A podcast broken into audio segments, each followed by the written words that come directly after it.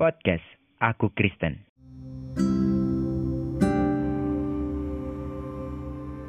Memang benar, jodoh tidak akan lari ke mana. Tapi bagaimana kalau kamu yang lari? Hari ini kita masih bercerita tentang kisahnya Ruth dengan Boas. Ruth pasal 3 ayat yang ke-13 berkata begini. Tinggallah di sini malam ini, dan besok pagi, jika ia mau menebus engkau baik, biarlah ia menebus. Tetapi jika ia tidak suka menebus engkau, maka akulah yang akan menebus engkau. Demi Tuhan yang hidup, berbaringlah saja tidur sampai pagi.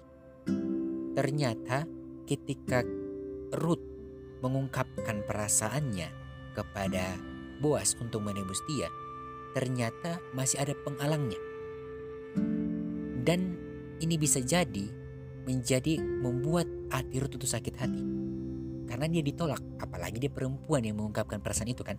Pasti dia akan sakit hati. Tetapi tuh, tetapi Boas berkata tinggallah di sini untuk menunggu kepastian. Jangan sampai jodoh yang Tuhan sudah tentukan bagi kita, kita yang lari dari uh, perjodohan itu, istilahnya kita yang lari dari perjodohan itu. Karena kita mungkin udah sakit hati duluan. Tetapi di sini Tuhan mau mengingatkan tinggallah di sini.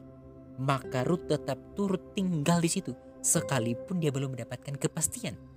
Dia tetap tinggal malam itu mau berbicara kepada kita. Di dalam perjodohan ataupun masalahmu, tinggallah, tetaplah setia. Di sini juga Tuhan mau melihat menguji Ruth.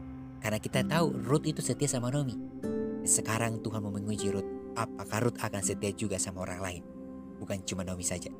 Tapi Ruth membuktikan dia tetap setia sama Boas. Dan pada akhirnya mereka menikah.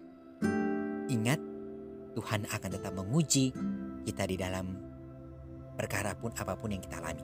Ruth yang notabene setia, Tuhan tetap menguji Ruth apakah dia akan setia sama orang lain. Ingatlah, jodoh tidak akan lari ke mana. Tapi kalau kamunya yang lari, bagaimana jadinya?